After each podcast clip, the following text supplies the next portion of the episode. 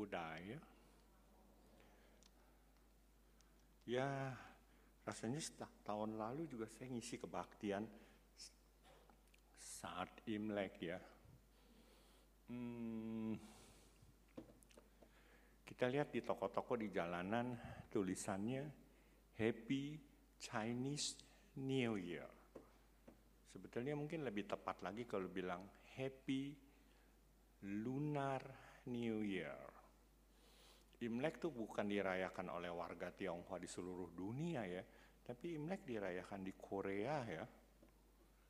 Negara-negara yang menggunakan sistem kalender Tionghoa yang disebut lunar itu merayakan Imlek. Jadi Imlek tuh bukan agama. Dia lebih bersifat kultural.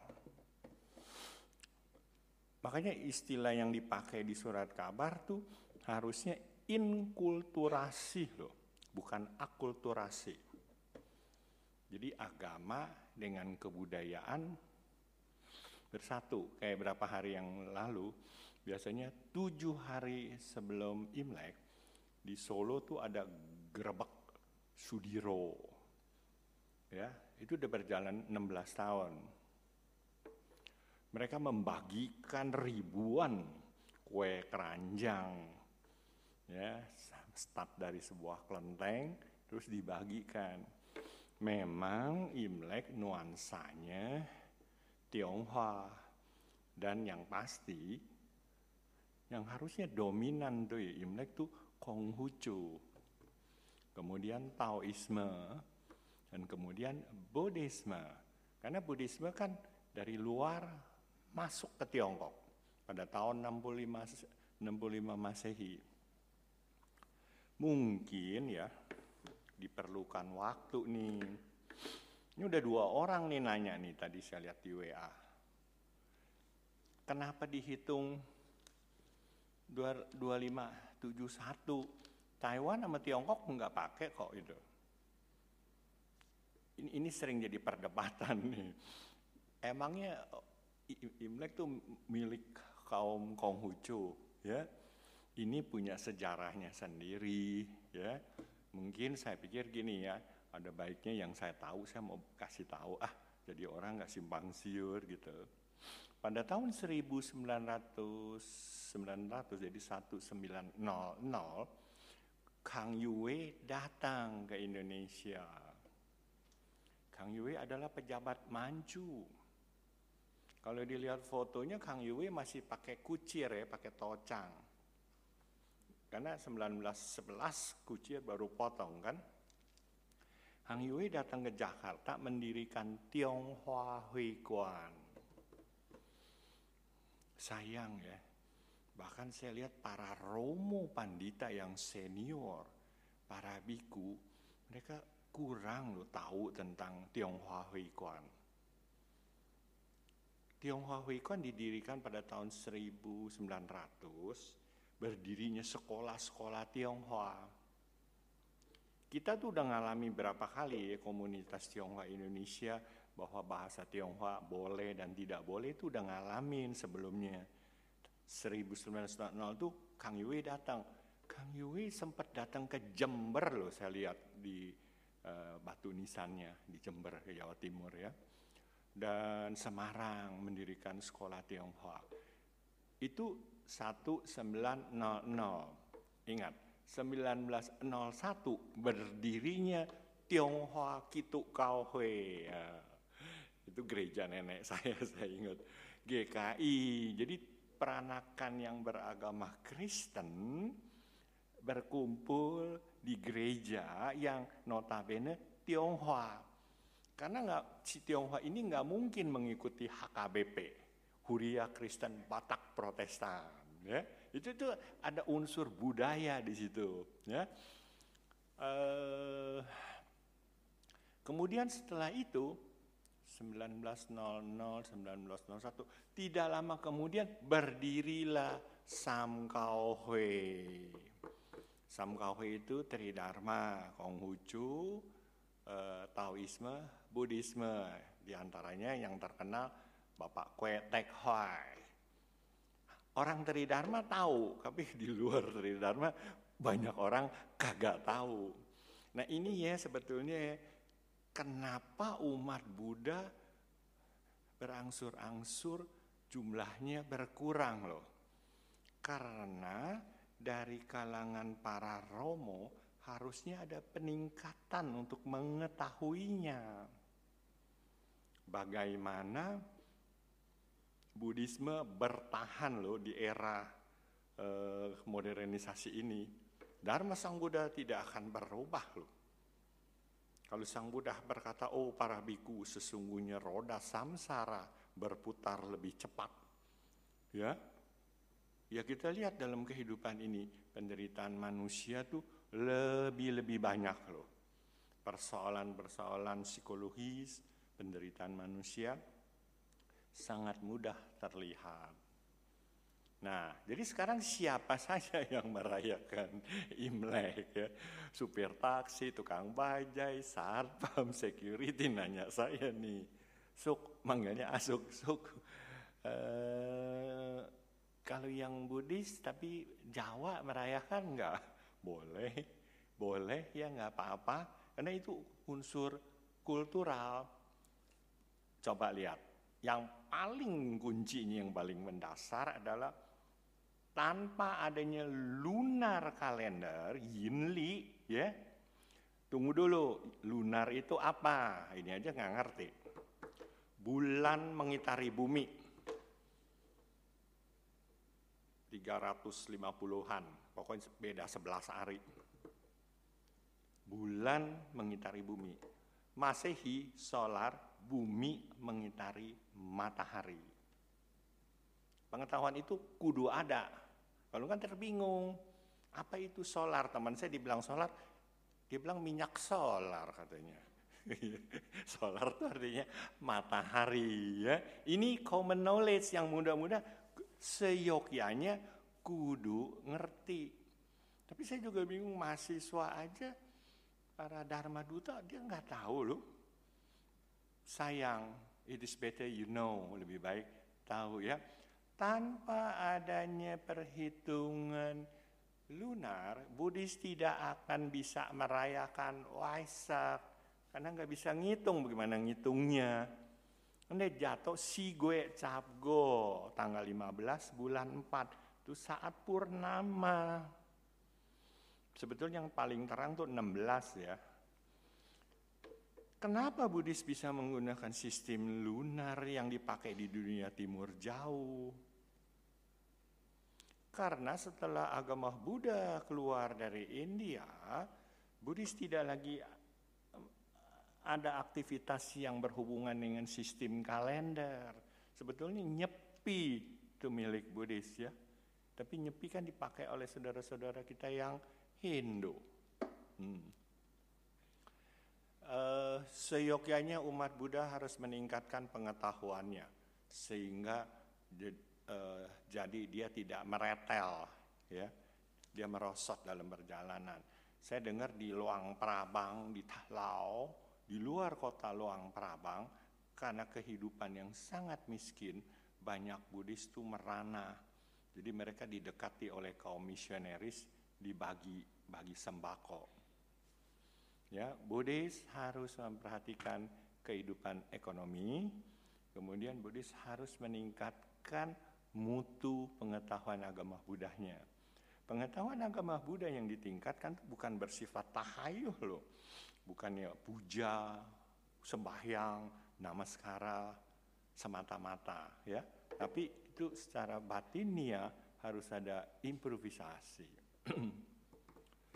Pengertian inkulturasi di dalam dunia timur sangat erat. Dan justru di timur inilah terjadinya sinkretisme. Ketika misionaris barat datang, terutama Matteo Ricci ya, Jesuit, betapa kagetnya dia melihat, oh negeri ini kok begitu sinkretis ya, agama Buddha, agama Konghucu, agama Taois itu bisa menyatu Tapi di masyarakat timur, orang-orang Tridharma juga nggak menerima kalau dibilang sinkretisme. Sinkretisme itu di dunia timur istilah itu tidak dikenal, tapi kenyataannya memang sinkretisme. Orang barat ngelihat loh. Oh, mereka bisa ya. Bahkan saya ngeliat di Vietnam, Cao Dai. Oh, Buddhisme, Konfusianisme, Taoisme, agama rakyat dan Katolik dijadiin satu di dalam sebuah altar ada salib saya lihat. Coba bangsa-bangsa yang di timur dengan iklimnya yang cukup adem, tentu rasa toleransinya tinggi bisa menerima sinkretisme. Ingat, ya kalau agama itu cenderung keras, bagaimana dia bisa menerima sinkretisme? Padahal kita di Indonesia sudah mengenal ya, eh, Sutasoma ya, emputan tular, Tanhana Dharma Mangruo Bineka Tunggal Ika. Siwa dengan Buddha bisa branding. Itu satu-satunya mungkin di seluruh dunia di mana kedua agama itu eh, mimpin, pemimpinnya mimpin upacara duduk bareng. Nah. Oke, sekarang Tiap tahun kita merayakan Imlek. Apa yang kita harapkan? Anak-anak juga suka di jalanan Xin Chun Gyeong Hee. Sinian kuai lah, kung si sinian. Ya, ya maklum ya anak-anak mungkin kita kecil juga dulu suka ngumpulin angpah loh, ya kan. Hmm, karena itu sudah sangat inkulturasi, sudah sangat berbudaya, uang yang diberikan harus genap. Makanya uang dibungkus dengan kertas merah, uang diberikan kepada anak-anak yang akan tumbuh dan uang diberikan kepada orang tua ya supaya panjang umur gitu. Maknanya ke sana. Semua warna menjadi merah, jeruk, ya, hmm, kembang, bahkan tulisan tuh tuilian, ya, tuilian itu di, dirangkep. Subjek, kata kerja, objek, brandingin. Itu hanya orang yang sekolah baru bisa nyusun itu. Kanan, kiri, jangan terbalik bacanya dari kanan. Karena itu udah semua udah menyangkut tingkat budaya. Penanggalan Imlek sebetulnya sudah dimulai 2200 tahun sekian sebelum Masehi. Tapi karena tadi sudah disinggung kedatangan Kang Yue, berdirinya Tionghoa Hui Kuan, berdirinya Tionghoa Kitu Kao Hui, berdirinya Sam Kao Hui, tiga loh di, di, di bumi Indonesia ini. Itu mayoritas memang kaum peranakan. Ya kita udah peranakan kan, kayak seperti saya udah generasi kedua. Ya ayah saya generasi satu dari Tiongkok. Nih kaum peranakan ini menciptakan kondisi yang sesuai dengan budaya. Budaya ya. Kita Tionghoa warga negara Indonesia loh. Kapan pun kita harus megang Oke, keluar negeri kan pakai paspor Indonesia. Saya bilang saya orang Indonesia. Nggak bisa bilang wah dan loh. Yang disebut dan itu itu yang Toto yang dari Tiongkok. Dia megang paspor People's Republic of China atau Republic of China Taiwan. Itu Cungguo emang. Ya, Huaren, kaum Hua. Ya, uh, bangsa Tibet, Uighur menyebut orang-orang yang datang dari Beijing, oh, taman sehan dan orang Han. Ya, tuh, mesti ada satu pengertian. Cungguo aja itu kok, bukan mana pasportnya, halu Cungguo. Yang disebut Cungguo itu adalah orang Cungguo yang membawa paspor Cungguo. Itu namanya Cungguo. Kita ini Huaren, Chinese Indonesian. Are you Chinese? yang paling seru mah kalau ketemu Chinese Muslim ya berkali-kali saya ketemu. Itu ibu pakai kebaya panjang, kok bisa ada di Hangzhou? Ngapain dia ngarumpi ke sini ha? Saya ngeliat ibu-ibu berkebaya panjang tuh dekat rumah saya dari kecil. Saya tanya dari Indonesia, inilah ada. Buset, saya Muslim. Oh, begitu sama loh. Kerudungan, kebaya panjang, ya, kayak kayak kain. Nisa Min mah? Bukan, saya bukan Muslim, saya dari Indonesia. Nah, mereka tuh uh, untuk menunjukkan identitas mereka, lalu keluar harus wanita memakai kerudungan, pria memakai topi putih. Tapi dia bedanya yang uniknya kerudungan dia tuh menunjukkan identitas loh. Gadis atau sudah berkeluarga. Itu dari sekian suku yang menganut agama tuh punya ciri-ciri tersendiri seperti itu. Nah, it is better you know. Mungkin ada baiknya kita tahu. Sekarang Buddhis datang nih ke Tiongkok pada tahun 65 yang paling mendapat tantangan dari kaum intelektual. Kamu mengajarkan apa agama Buddha? Karena kami sudah punya agama, jelaskan konsep bakti, xiao.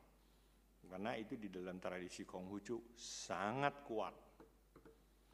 Apakah Buddhis juga menganjurkan xiao kalau tidak bisa terpaksa Buddhisme harus keluar dari bumi Tiongkok. Nah, para pendeta Buddha berdasarkan apa yang dikatakan Buddha, sebenarnya Buddha juga mengajarkan bakti. Cuma karena ya kalau dalam satu keluarga anak lakinya semata wayang jadi biksu Siapa yang ngerawat orang tua nanti? Siapa yang ngenerusin bisnis? Siapa yang ngeluku sawah? Jadi mereka tidak suka. Padahal menjadi Buddhis tidak berarti harus jadi biksu loh. Sorry, ya. Jangan dianggap menjadi bante itu adalah cita-cita terakhir yang mulia ya. Belum tentu seorang Buddhis yang soleh, asalkan dia uh, bisa memperlakukan, memperlihatkan kepribadian yang baik, itu dia sudah Buddhis. Kita lihat di seluruh dunia, jumlah biksu ada 900 ribu loh. 90% dari biksu itu selebat tidak menikah. Ya. Tapi Jepang punya biksu, Jepang tidak ada sangga. Korea 70 banding 30 ya, Taegyusa dan Kogesa yang berjubah, yang kelihatan dia tidak berkeluarga sama yang berkeluarga. Tapi di Jepang, para biksu yang disebut pendeta itu sangat dihormati oleh umat loh. Orang Jepang sangat menghormati, padahal mereka bukan biksu. Kenapa? Karena para pendeta Buddha di Jepang eh, mengalami pendidikan yang sangat bagus. Pendidikannya bagus, perilakunya bagus. Mereka sangat dihormati oleh rakyat. Nah itu tuh kita lihat tuh ya, satu perbedaan di suatu negara yang sistem sanggahnya tidak ada, nyaris tidak ada loh Jepang. Korea masih ada ya. Nah, yang mengikuti garis Mahayana Tiongkok, Jepang, Vietnam, Korea, Asia Tenggara itu mayoritas memang biksu-biksunya selebat, tidak menikah. Tapi minoritas selebat. Tibet mayoritas selebat, tapi juga ada yang tidak selebat. Ya, Ningma contohnya, mereka beristri gitu. nah, oke. Okay. Uh, eh, seorang Buddhis tidak dituntut untuk mutlak menjadi biksu. Makanya ada sebuah semboyan ya. Kenapa harus takut menjadi biksu Buddha tidak dapat makan, tidak dapat dana? Itu harus dilihat sila yang baik ya. Zen Buddhisme menerapkan isi zizong wu dao xin. Kalau orang hanya mencari pakaian dan makanan, berarti dia tidak bisa menemukan nilai dharma yang baik. Tapi tao xin zizong you isi, tapi di dalam dharma tao hati nurani yang baik itu akan ditemukan pakaian dan makanan. Maksudnya gini, jangan khawatir kalau nggak menemukan dana asal silanya baik, pasti umat mendukung. Ya.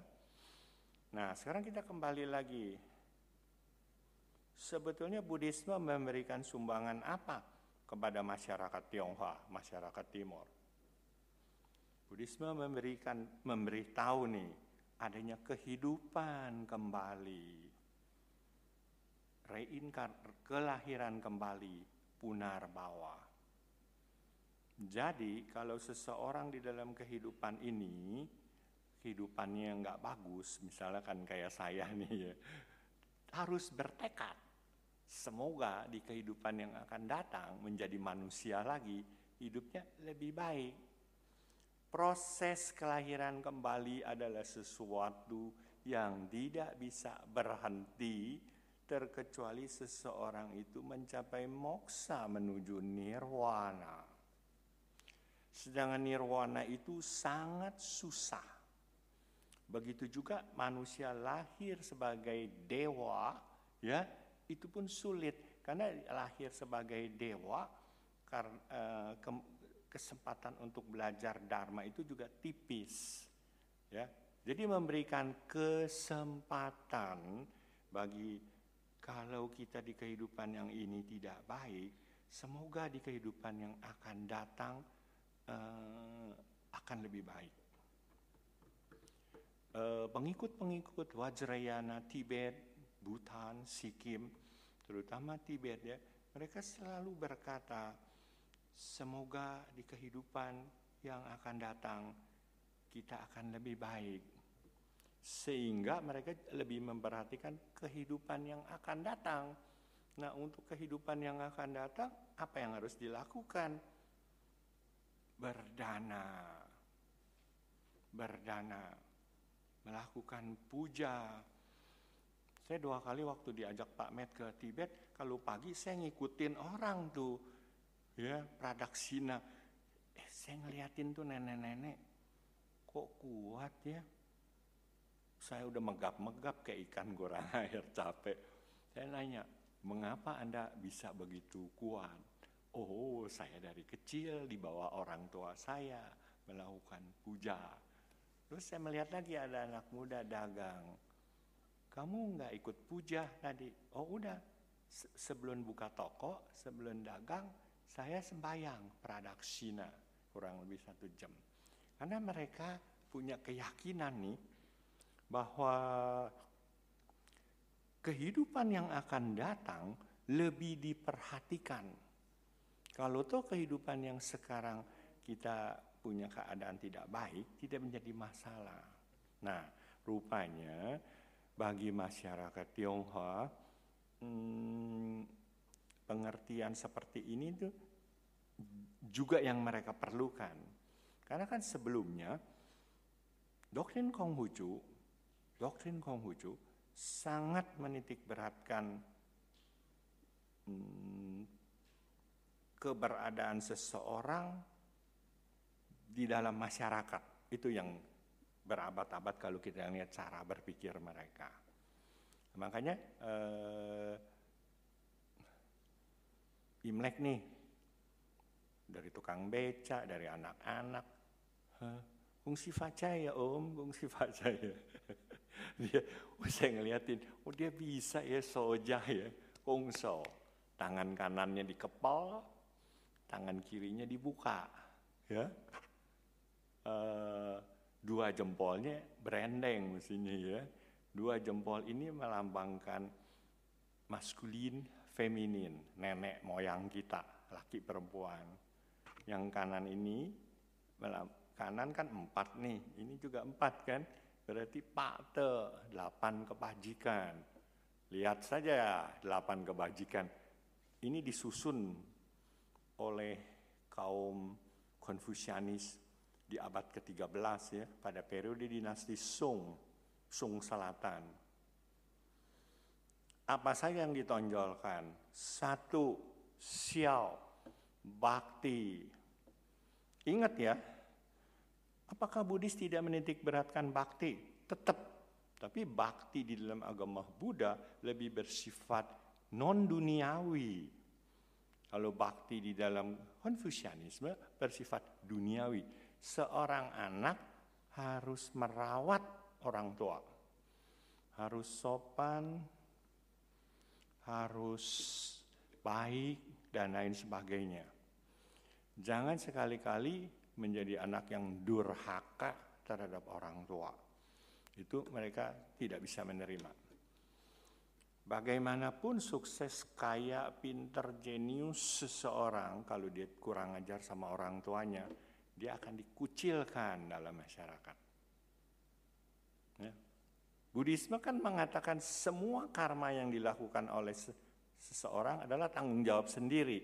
Tapi kaum Konfusianis melihat konteks karma itu lebih bersifat kemasyarakatan, lebih bersifat duniawi. Bedanya tuh di situ, ya.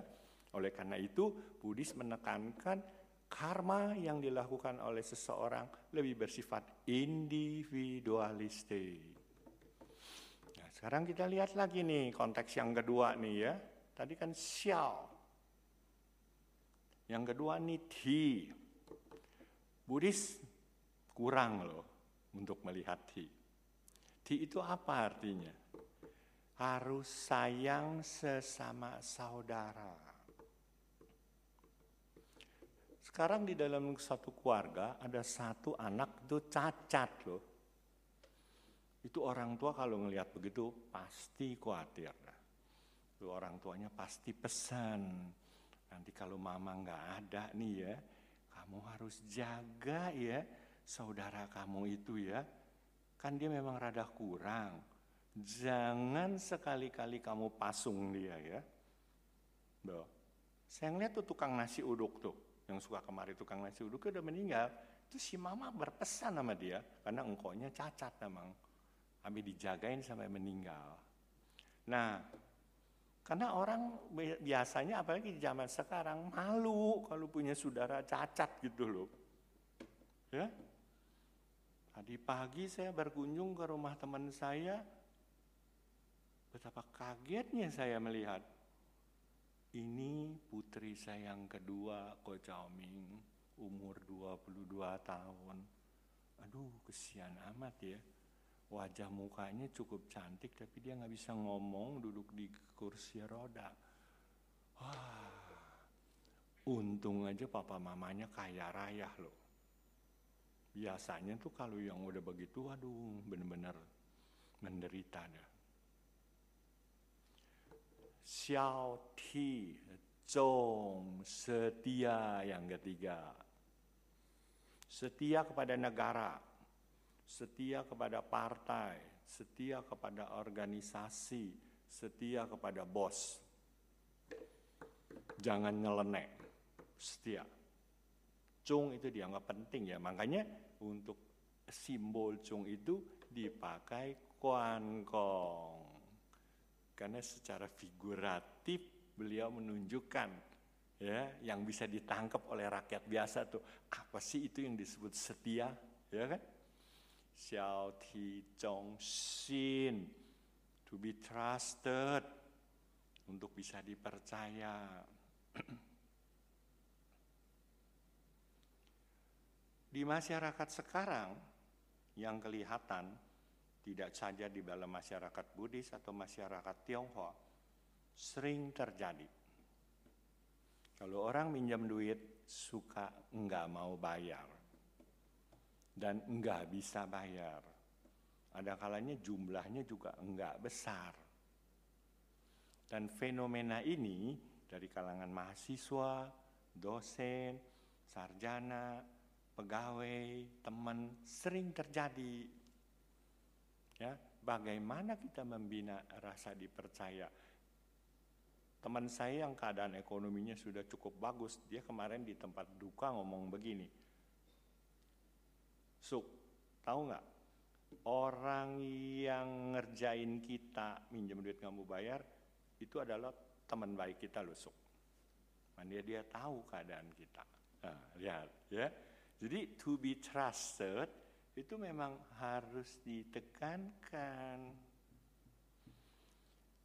Bapak-bapak, saudara-saudara sekalian, apakah ukuran sila dan moral bagi umat Buddha hanya Pancasila?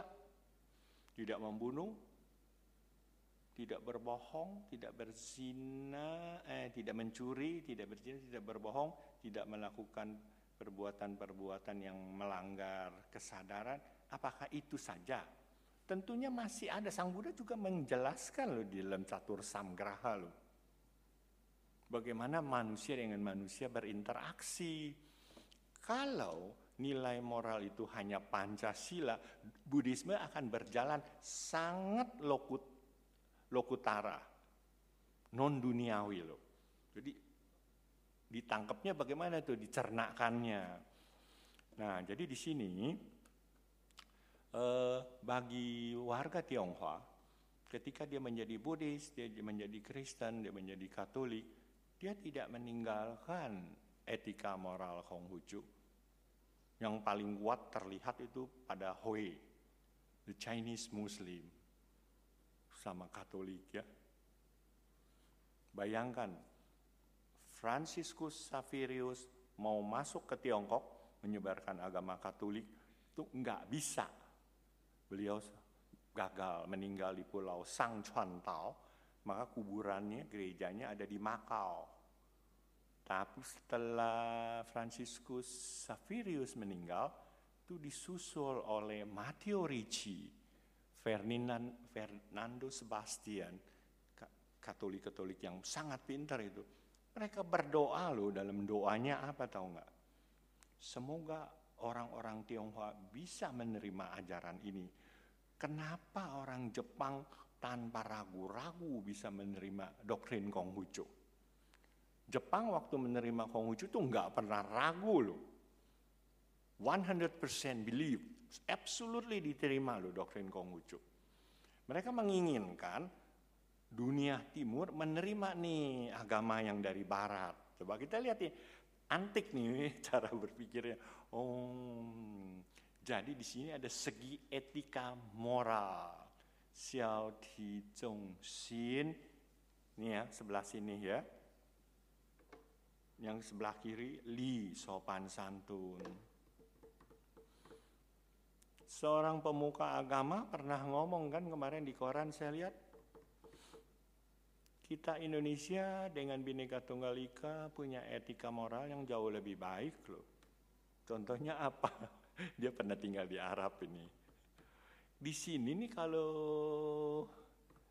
uh, kita lagi duduk nih, ada anak lewat nih, anak muda, selalu permisi ya, Bahkan kalau tradisi Jawa tuh membungkukan badan, ya kan? Termasuk di wihara ini, ya makan, suk, suk caming makan. Yang muda nawarin yang tua loh, ya. Tapi tradisi ini udah memudar. Anak-anak sekarang udah nggak merhatiin dia. Betapa kagetnya ketika saya mengajar di Nalanda, mengajar mahasiswa dari daerah, mau pulang, Pak, terima kasih ya Pak. Ya. Eh, saya dicium loh tangan saya. Jadi menurut si sarjana itu tuh tokoh itu dia bilang kita punya etika lebih bagus. Di luar tuh nggak ada katanya. Di Arab tuh nggak ada tuh. Oh permisi menumpang lewat gitu. Lewat-lewat aja. Makan juga makan aja ya. Bahkan sekarang bukan nawarin lu, berebut makan sampai kita nggak kebagian. Iya kan? Oke, Li sopan santun. Sopan santun di dalam agama Buddha tidak semata-mata ditujukan kepada biku sangga ya. Itu juga kepada orang tua, kepada orang yang nista loh. Yang harus dihormati. Jangan dilihat duitnya. I, solidaritas. Oh, Buddhis juga lemah ini. Bisa nggak kita membela teman kita kalau dia difitnah, padahal dia nggak salah. Kebanyakan orang takut, nggak kok ah cari amannya aja kok. Ntar kita disalahin tuh kok, udah diem-diem aja. Cari amannya tuh, nggak ada solidaritas. Ini pun di dalam tradisi Konghucu sangat dititik beratkan. Lien, hidup sederhana. Hidup sederhana bukan berarti hidup meninggalkan rumah tangga menjadi biarawan, bukan ya. Hidup sederhana itu jangan boros gaji nggak seberapa, tapi utang sini, utang sono, kartu kredit, ntar utang seleher, bagaimana coba? Ya, saya pernah lihat dengan mata kepala saya sendiri dulu seorang rohaniwan Buddhis di mejanya tuh kartu kreditnya segepok. Tapi ada yang membela, kan dia masih manusia juga pak katanya. Apalagi ya rohaniwan harus bisa mengendalikan dirinya. Se Buddhis ada ini rasa malu untuk berbuat yang tidak baik. Ya. Nah, jadi kita membuat satu perbandingan nih etika moral Buddhis dan Pancasila. Pancasila itu garis besar loh. Ya, Manusia yang tidak menerapkan Pancasila, dia tidak bisa terlahir kembali menjadi manusia lagi. Statementnya bunyi begitu loh. Ya, tapi selain etika yang tinggi itu, sesama manusia harus memperhatikan. Nah, Sang Buddha berkata di dalam catur samgraha ya. Pada suatu hari di dalam suatu pertemuan ulang tahun Sangga, saya mendengar seorang biku garis menggaris bawahi catur samgraha. Tapi kenapa dia nggak terusin ya? Padahal itu umatnya ribuan loh. Alangkah baiknya tuh kalau dijelasin loh catur samgraha. Theravada Buddhisme, Mahayana Buddhisme, Wajrayana Buddhisme sangat menjunjung tinggi catur samgraha 四一二三四的四十十 itu memegang fa si fa apa saja catur samgraha itu yang disebut catur samgraha itu tetap juga nomor satu dana dana tapi ingat dana itu bukan untuk biku atau wihara semata-mata Berdana harus diberikan kepada orang yang benar-benar sangat membutuhkan. Ya. Jadi jangan dilalaikan pengertian dana loh. Coba bertahun-tahun saya ngelihat di wihara ke mana-mana saya suka nanya. Tiap hari baca tapejo loh. Baca sincing, wah rajin. Tapi hidupnya ngelangsa gitu. Kenapa ya? Hmm. Ini melenceng sedikit nih. Di Malaysia saya lagi naik taksi. Tukang taksinya Buddhis. Dia ngelihat gelang tangan saya ini. Gelang tangan saya ini dikasih oleh seorang upasaka tua di apa itu Wihara Manggah dua itu Budayana punya ya, Ekayana. Terus dia nanya saya, kamu Buddhis? Iya. Nah dia bercerita tuh istrinya seperti kayak paranormal gitu, tapi Buddhis. Sampai dia berpisah nggak boleh tinggal bareng. Oke, sekarang saya mau nanya kamu nih, si supir taksi nih, ke bandara kan jauh nih. Tolong jawab. Bagaimana caranya orang mengurangi karma buruknya? Padahal dia rajin sembahyang. Ayo dia cai, tape jauh segala macam. Oh, ada satu yang kurang. Saya kasih tahu kamu. Harus berdana. Ah, bosen. Dari dulu juga bilang berdana, berdana itu bahasa klise. Berdananya salah. Kamu berdana kepada siapa? Kamu harus berdana kepada orang tua yang rentak yang kagak makan, kamu belikan dia makanan dengan makanannya harus vegetarian. Buset, di Jakarta nggak jarang loh vegetarian loh. Tapi saya lihat di warteg, oh sepuluh ribu bisa. Tahu pergedel ada loh. Ya. Nah, boleh dicoba tuh. Jadi untuk merubah nasib, kita harus berdana. Berdananya bukan duitnya gede, bukan. Bayangin loh, ada umat nih pernah minta sama saya, kok saya belum makan kok. Mungkin ibu-ibu bapak-bapak nggak percaya loh, dosen loh, senior loh. Pak Coming, saya lapar Pak Coming. Oh, itu mie goreng, makan aja. Tapi saya mau bawa pulang, saya mau bagi istri saya. Apa iya dalam perjalanan dari selatan ke timur naik mobil, naik mobil loh, nggak ngelihat warteg, ha? nggak ngelihat restoran Padang, orang restoran Padang nasi ayam saya baru tahu sepuluh ribu aja dapat, ya. Jadi di dunia ini memang banyak orang-orang yang miskin karena kurang makan loh. 240 juta rakyat Indonesia kalau dibilang 10 persen kan 24 juta, mungkin lebih loh. Oh, kemarin ini saya hadir di gedung mewah, rombongan biksu Taiwan datang, saya dipanggil.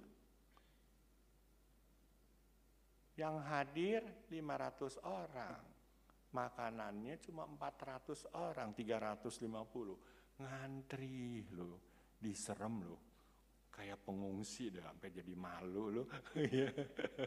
enggak, saya nggak mau makan. Udah buat mereka aja, ntar kita di luar. Nah, tapi ada hikmahnya juga. Bapak-bapak, ibu-ibu, kalau hadir dalam suatu pertemuan yang sudah dikatakan makan gratis, lebih baik dari rumah makan dulu. Buat ganjelan. Ya, uh, itu penting juga tuh. Oke. Okay. Uh, jadi berdana untuk orang-orang yang nista itu mengubah nasib kita. Cobain.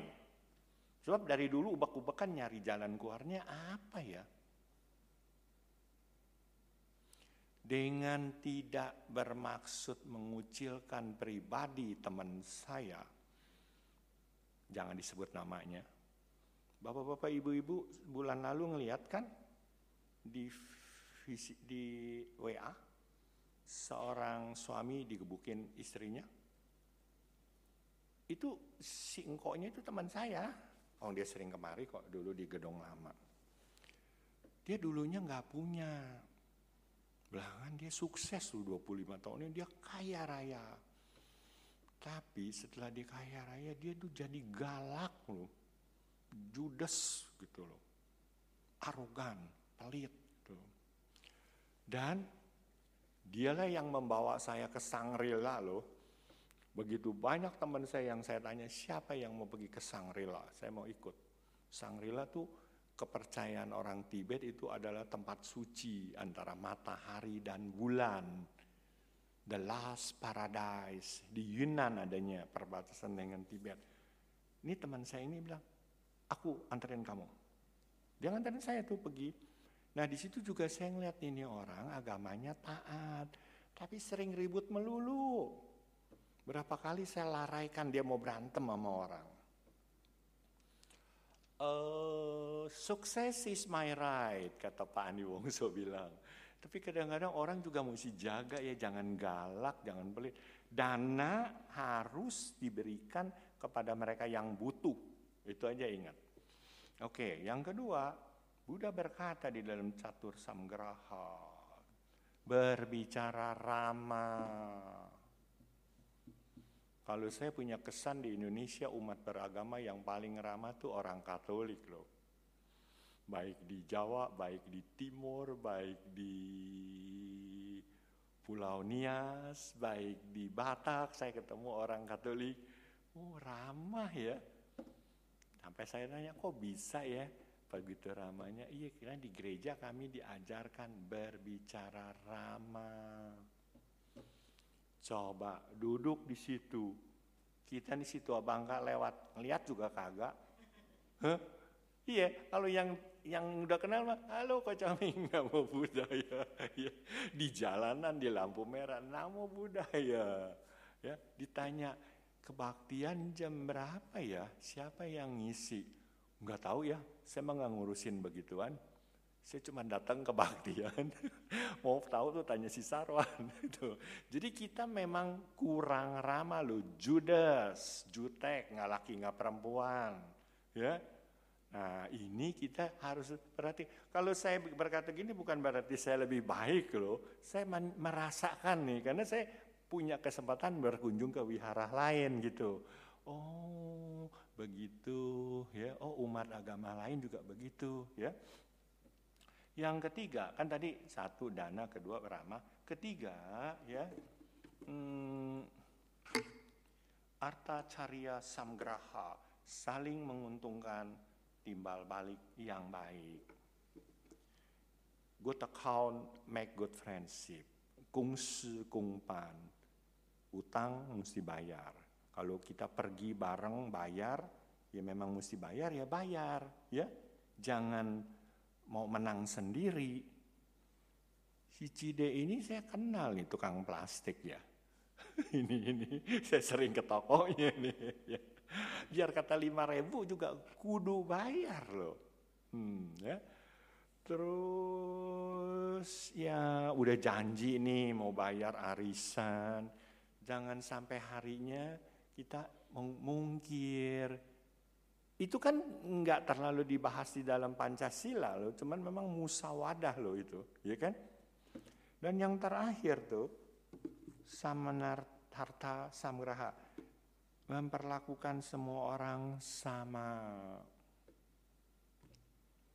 Jangan karena yang meninggal orang kaya kita berduyun-duyun baca parita. Tapi kalau ngelihat orang yang susah yang baca parita bisa dihitung orangnya. Ya, jangan dibiasakan begitu. Semua manusia akan mengalami loh. Tua, sakit, mati. Apalagi nggak punya duit. Ya, lebih-lebih udah nggak punya duit, nggak punya temen. Jadi supaya kita nanti tua mati ada yang bacain parita, kita nggak boleh menolak. Si Sarwan suka ngajak saya tuh ya. Saya kadang-kadang masih punya pantangan. Ini anak masih muda ya, kok masuk peti nggak ditutup ya? Waduh, orang dulu nggak mau tuh. Tapi karena sekarang banyak yang modern berpikir begitu. Tapi kalau yang meninggal tuh Ditanya dulu, ini umur berapa yang meninggal? 80. Oh, kita tiam hio indah. 90. Tapi dia meninggal umur 30, 40, ya kadang-kadang mungkin sakit atau kecelakaan. Oke, jadi di dalam agama Buddha juga diperhatikan hal-hal seperti itu. Nah sekarang kita lihat nih, inkulturasi dan sinkretisme yang tercermin dalam masyarakat Tionghoa biasanya menjelang tahun baru tuh ufu linman biasa di restoran saya temukan lima rejeki mendekati kita. Ufu linman itu apa? Satu sehat kangning. Sehat jasmani rohani. Zaman semakin maju penyakit yang diderita saya pernah dengar tuh dalam suatu pembahasan jasmani itu diabetes, stroke, apalagi ada tiga empat macam. Tapi ada satu dokter kemudian menambahkan gejala yang cukup parah yang tidak bisa diabaikan juga karena manusia itu menderita schizophrenia. Rasa khawatir, takut, ya, galak, ya, eh, nggak bisa bergaul sama orang, itu juga udah mulai populer tuh. Makanya ada seorang mahasiswi bunuh diri ditanya kan seorang anak SMA kemarin, hidup untuk apa? Tuh akhirnya juga mati, dia bunuh diri loh. Ya, jadi perlu adanya perhatian. Oke, Kang Ning, sehat. Kedua, Fukui, sejahtera. Sejahtera nih ya, hidup mapan. Ketiga, panjang umur. Karena kalau panjang umur nggak punya duit juga menderita loh. Di tempat tidur. Ya, menjerit-menjerit. Bagaimana? Anak juga nggak mau nolongin. Kemarin lagi Natal saya diajak teman saya mengunjungi panti Wereda di Semarang ada nenek-nenek banyak tuh pada sakit. Ada nenek-nenek satu menjerit-menjerit, megang botol, buka, bukain botol ini, bukain botol ini. Saya deketin, sini saya bukain, bukain botolnya. Eh susternya bilang, Pak jangan Pak, memang dia disuruh begitu tuh Pak, kalau enggak dia lebih parah lagi loh. Ih saya jadi ngelamun ya, kita juga kalau tua begitu bagaimana loh ya ribut-ribut minta dibukain botolnya. Oke. Yang keempat, haute berbuat baik. Haute ya. Di satu pihak memang kita dituntut untuk berbuat baik. Tapi di masyarakat ini kita juga sering menemukan orang-orang yang nakal. Ya. Ada nih kenalan saya nih, dia mencari saya ke sini loh ya selalu nggak boleh sebut namanya. Ini hanya satu tuis putuiran, ngeliat contohnya bukan lihat orang. Dia memberikan saya naskah loh. Buset, tuh naskah bagus loh pakai bahasa Indonesia loh. Anata, tanpa aku, bukan milikku. Dek, Pak, saya mau pidato nih Pak. Dalam satu pertemuan sarjana Buddhis yang bersifat internasional. Tapi saya nggak bisa pakai bahasa Inggris, Pak. Waduh, buset. Minta ampun, minta ampun dah. Susah loh. Tapi ya kerjasama ada. Bisa tuh disusun garis besarnya. Pada hari itu dia baca, saya juga baca teks Inggrisnya. Saya tidak mau berkata apa-apa, dia yang ngomong loh saya akan berikan kamu honor, Pak Ming. Ya, ya udah kalau kamu kasih ya sudah. Tapi saya sampai ngomong, sekian puluh tahun saya tidak pernah lihat seorang mahasiswa Buddhis atau sarjana Buddhis bisa menyusun naskah dalam bahasa Indonesia yang begitu bagus. Sulit.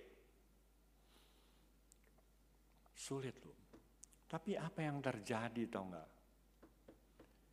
Dia tidak bisa menepati janjinya.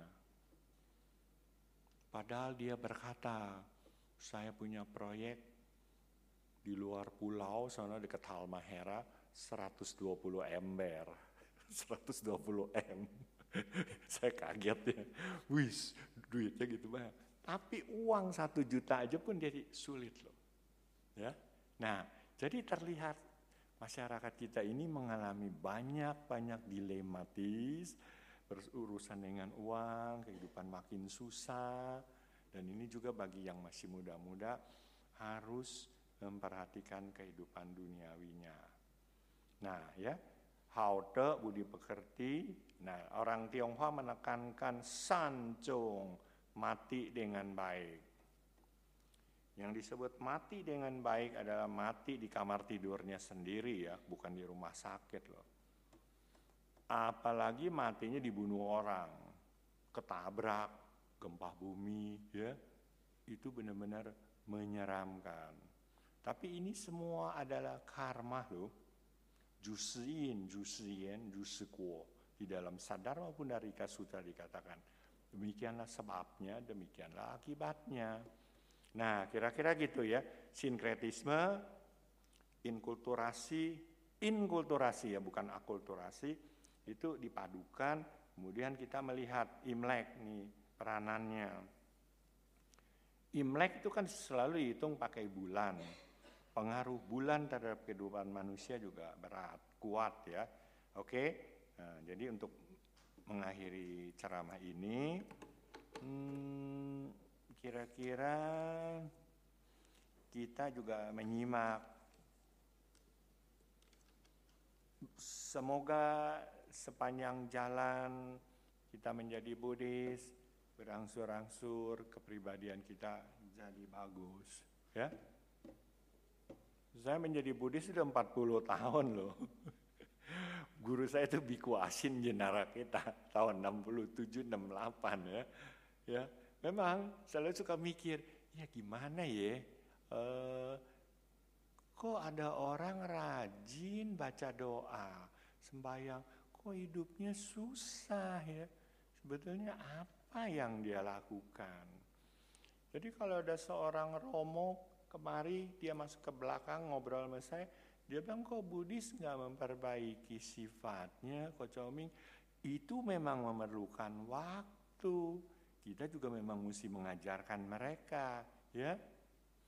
Hmm, kalau pesta belum selesai udah pakai kantong kresek bawa pulang itu fenomena itu bukan saja terjadi di kalangan Buddhis loh bahkan di kota-kota lain juga Buddhis begitu Bahkan kalau menurut teman saya yang menjadi tour guide ke Eropa, biasanya turis Indonesia paling tuh kalau makan pagi tuh ya, dia udah bawa kantong plastik dulu. Anggur, apel udah diambil dulu ya. Sedangkan orang bule itu makannya sedikit.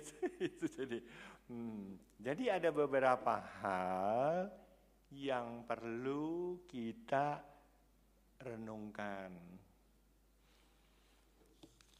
Salah satu yang saya lihat nih, saya kumpulkan nih di Taiwan nih, dari selatan ke utara tuh wihara saya kunjung-kunjungin. Sebetulnya metode mereka apa ya? Metode mereka apa? Yang menonjol tuh adalah hmm, Ting Wen Fo Fa nomor satu. Mendengarkan ceramah Dharma. Ting Wen Fo Fa. Kedua, wen fofa, merenungkan. Yang keempat, siu fofa, melaksanakan. Mendengarkan, merenungkan, dan berusaha menghayati. Saya punya pengalaman pahit sendiri ya, karena sering dipanggil ke wihara ya jadi itu yang manggil saya tuh ya seperti juga saya ngeliat Dharma Duta lainnya. Yang manggil penceramah seperti manggil supir Grab. Buset, kok Coming bulan depan tanggal sekian kok Coming ke wihara itu ya. Dia yang manggil, dia kagak nongol loh. Coba ya kalau di dalam tradisi Hindu Bali itu pemangku di, diminta hadir loh dalam upacara melastian. Uh, mungkin jangan juga dilihat uangnya loh. Ini kelihatannya nih yang juga menjadi masalah bagi perkembangan agama Buddha, para Dharma Duta itu harus diperhatikan ya. Bersyukur, Amitabha wihara kita ini Dharma Suka bagus loh. Dari yang saya lihat nih, sekian wihara nih Dharma Suka sama Buddha Meta. Ya. Umatnya juga kritis, perhatian kepada ininya bagus. 12 tahun yang lalu, bayangkan 12 tahun yang lalu, ini wihara belum jadi yang ini. Di tepi sungai Cisadane, ada sebuah wihara tapi saya juga lupa wihara apa namanya, majelisnya apa. Tapi emang wiharanya umatnya keadaan ekonominya kurang bagus. Jangan lihat duitnya, ini contohnya. Seusai kebaktian, saya diberikan angpao. Ya. Jangan lihat uang. 50 ribu. Saya bilang, ini wihara cuma dapat duit 130. Kan dia udah dapat duit, dia ngomong kan Kenapa dikasihkan ke saya? Udah jangan. Kita mau ikhlas kok berdana. Enggak, jangan kok nanti kita dimarahin sama ketuanya. 12 tahun kemudian, bukan di tempat yang sama loh, bukan di tempat yang sama, di wihara lain di Jakarta. Dia juga melakukan hal yang sama dengan memberikan uang 50 ribu. Saya ngomong lagi, jangan, gak usah kasih. Yang kesian nanti Dharma Duta yang lain kagak mau datang. Emang bukan masalah uang, tapi kok nggak ada penghargaan loh. Ini benar-benar terjadi, ya. Masa bisa begitu sih? Maka beruntung lo, Dhamma Suka bagus. Dhamma Suka, Ekayana, Buddha Meta, Dhamma Caka, Arya Marga itu bagus. Mereka memperhatikan, ya. Oke. Nah, jadi kira-kira begitu. Hmm, Oke okay, kita berhenti di sini dulu deh. Mungkin ada yang mau bertanya, silakan. Kalau yang mau ke kamar kecil, kamar kecil dulu. Musim hujan orang kepengen kencing, ya. Gitu. Uh, silakan ya. Mungkin sabar mau nyanyi, silakan. Hmm. Selamat sore Pak Chongming. Nah, begini Pak, saya mau nanya. Saya suka memperhatikan dari dulu ya dari kecil yang saya suka perhatikan tuh orang Jepang Pak Chongming. Orang Jepang itu kalau saya lihat mereka itu kan punya kultur kan banyak teman-teman juga pada cerita ya mereka tuh rajin begitu. Rajin kerja keras dari pagi sampai malam kayaknya gua nggak ada yang suka. Mereka tuh emang udah kehidupan sehari-harinya tuh udah kulturnya kayak begitu gitu. Sampai bahkan saya pun juga yang di Jakarta pun mereka yang orang-orang Jepang punya kehidupan cara hidup mereka tuh kayaknya tuh benar-benar sampai banyak wartawan juga pada bilang di tempat di mana di Jepang begitu ya. Tanpa disuruh pun mereka juga rajin begitu. Sampai dan juga kayaknya kelihatannya orang Jepang kalau saya tuh sifatnya ada keras gitu. Disiplinnya tuh kuat bakal pribadi mereka kalau Chow Ming ya. Kalau Chow Ming kan pernah tadi gue bilang bahwa Konfusianis masuk ke Jepang mempengaruhi orang-orang Jepang. Tapi kalau saya lihat, kayaknya dari kalau saya belajar buku sejarah dulu, itu kan Jepang itu kan juga ada mengalami masa-masa shogun, segala macam restorasi Meiji, mungkin juga ada agama Shinto, bahkan sampai kita pernah satu kali juga kalau saya lihat ya dulu kan, saya kan juga pernah ikut Honson itu ya, kayaknya juga cukup keras gitu. Kayaknya kalau yang saya lihat tuh orang-orang Jepang tuh emang keras nih. Kalau dari Kocaning punya penglihatan yang bisa bikin orang Jepang itu sampai kayaknya tuh mereka punya kepribadian sehari-hari itu keras gitu. Apakah ada pengaruh agama, kebudayaan atau mungkin kultur mereka bagaimana gitu Pak Caming. Terima kasih. Oke. Okay. Alangkah baiknya nanti di kelahiran kembali kamu lahir sebagai orang Jepang ya. Itu juga berkondisi bangsa Jepang kan homogen. Negeri ini cuma terdiri dari dua suku kan, Daiwa dan Ainu. Ainu di Hokkaido sedikit sekali. Dan mayoritas Jepang itu suku bangsa Daiwa, Tahe Minju. Itu terdiri dari bermacam-macam unsur. Dulu legendanya mengatakan begini, ketika Qin Shi Huang 200 tahun sebelum Masehi berkata, saya mau cari obat yang supaya saya nggak bakal tua dan nggak bakal mati. Dia suruh seorang pendeta Taois Sifu membawa 500 anak laki dan 500 anak perempuan pergi ke timur. Itu salah satu unsur yang membentuk salah satu bangsa Jepang loh. Jadi mereka juga ada campuran Tionghoanya Waktu itu masih kecil, bayangin orang tua juga kan ngerasa enggak setuju, ya kan dibawa begitu. Akhirnya mereka beranak pinak. Jepang punya secara bentuknya karakter itu, mereka suka belajar. Ya, dalam sejarah terjadi dua kali kan. Satu, mereka menerima konfusianisme secara absolut, merubah sistem pendidikan. Kedua, restorasi Meiji, Meiji menerima kebudayaan barat. Ya. Eh, semua tiru barat. Yang paling hebat tuh dia bisa membentuk hukum, hukum kenegaraan dia tuh dengan rapih loh. Kaisar yang kemarin ini naik kan berarti kaisar yang ke 126 ya. Dari Dewa Amaterasu Omi kami turun di Gunung Fuji, terus tuh rajanya enggak terputus-putus. Mereka lebih homogen, jadi enggak tercampur bangsa-bangsa lain kan. E, kita aja di negeri ini bangsanya begitu banyak suku. Ya, jadi banyaknya suku juga cara berpikirnya berbeda. Korea juga homogen, satu bangsa Korea. Ya, jadi ada beberapa faktor-faktor yang mempengaruhi dan mereka juga memang mau belajar kok ya, rajin. Tentu alangkah baiknya sisi positifnya kita pelajari, kita pelajari ya. Kira-kira begitu yang saya bisa jawab pertanyaan kamu. Oke, ada lagi yang mau diajukan? Sekarang kita lihat tuh, delapan dewa di kuil Taois itu ada satu dewa namanya Li Tongpin. Saya lihat tuh kelentengnya ada di Angke tuh Li Tongpin. Dewa Taois yang hebat itu bisa membuat ilmu, dia punya ilmu tinggi. Pada suatu hari Li Tongpin ini kan pada zaman dinasti Song Selatan ya.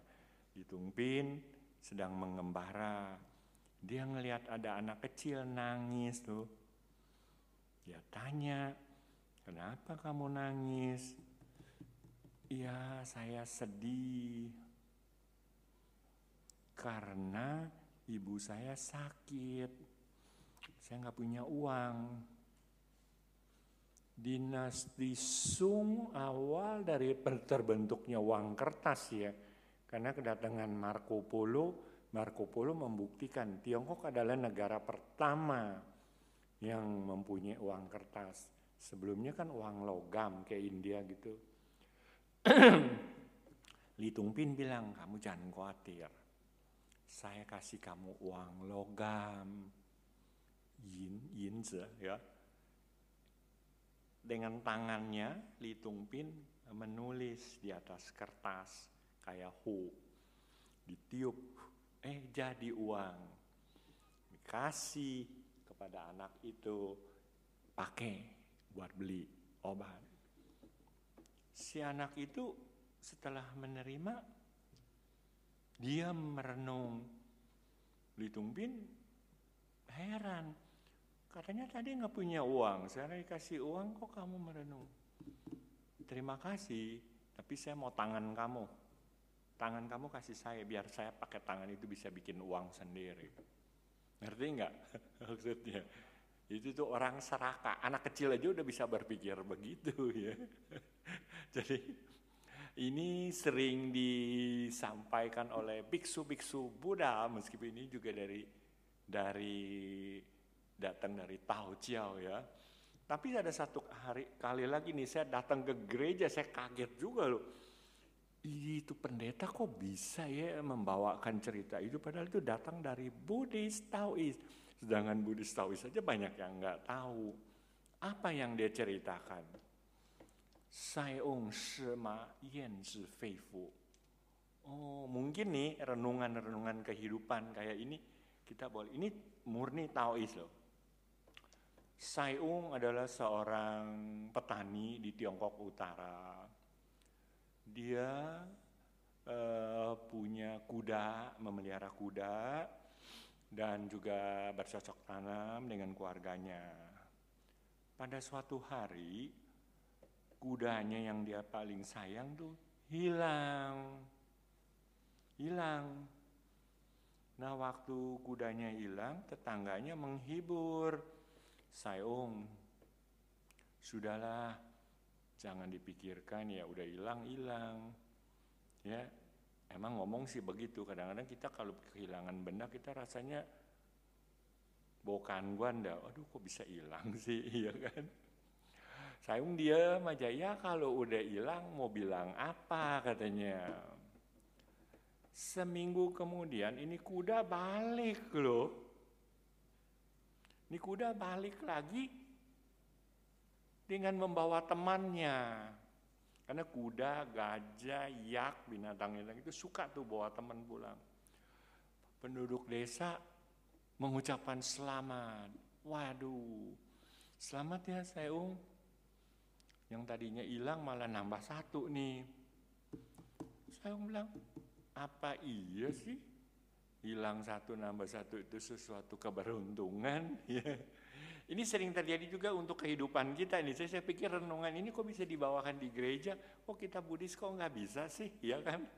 Udah nih.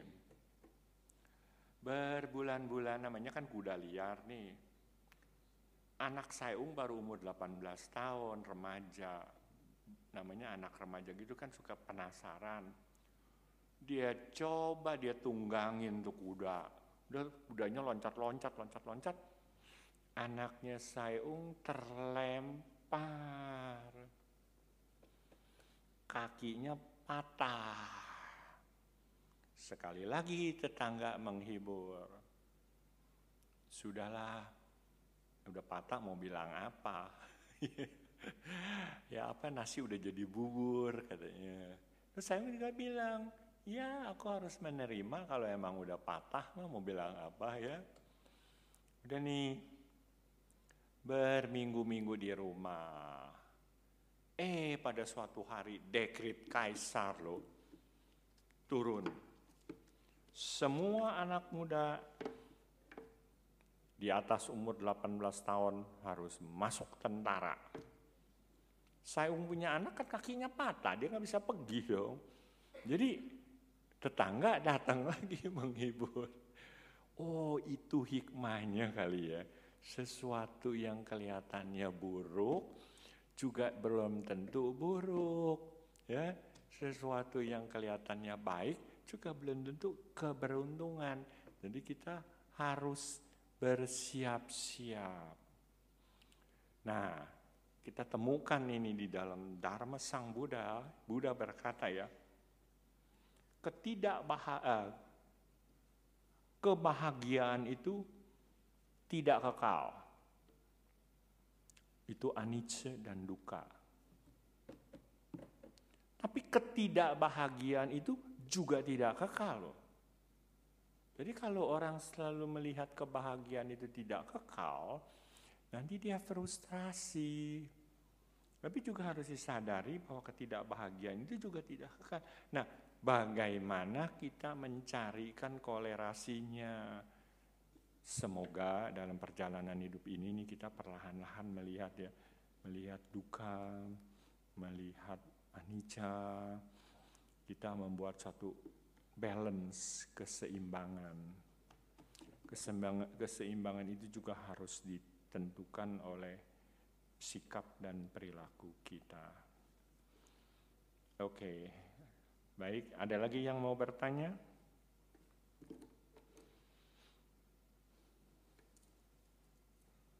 Ada lagi yang mau bertanya?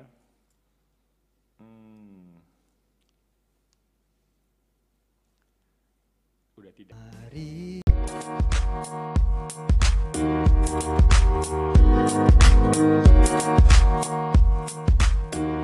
you.